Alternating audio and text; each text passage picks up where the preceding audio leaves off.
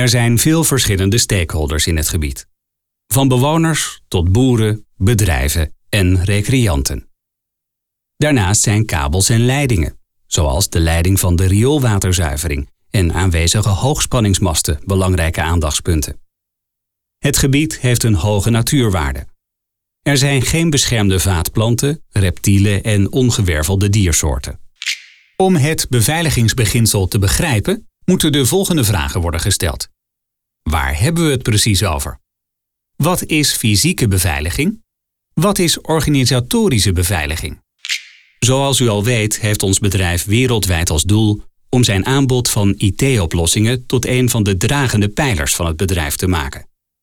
De uitbreiding van het portfolio brengt vooral voor u als accountmanager aanzienlijke ontwikkelingskansen met zich mee.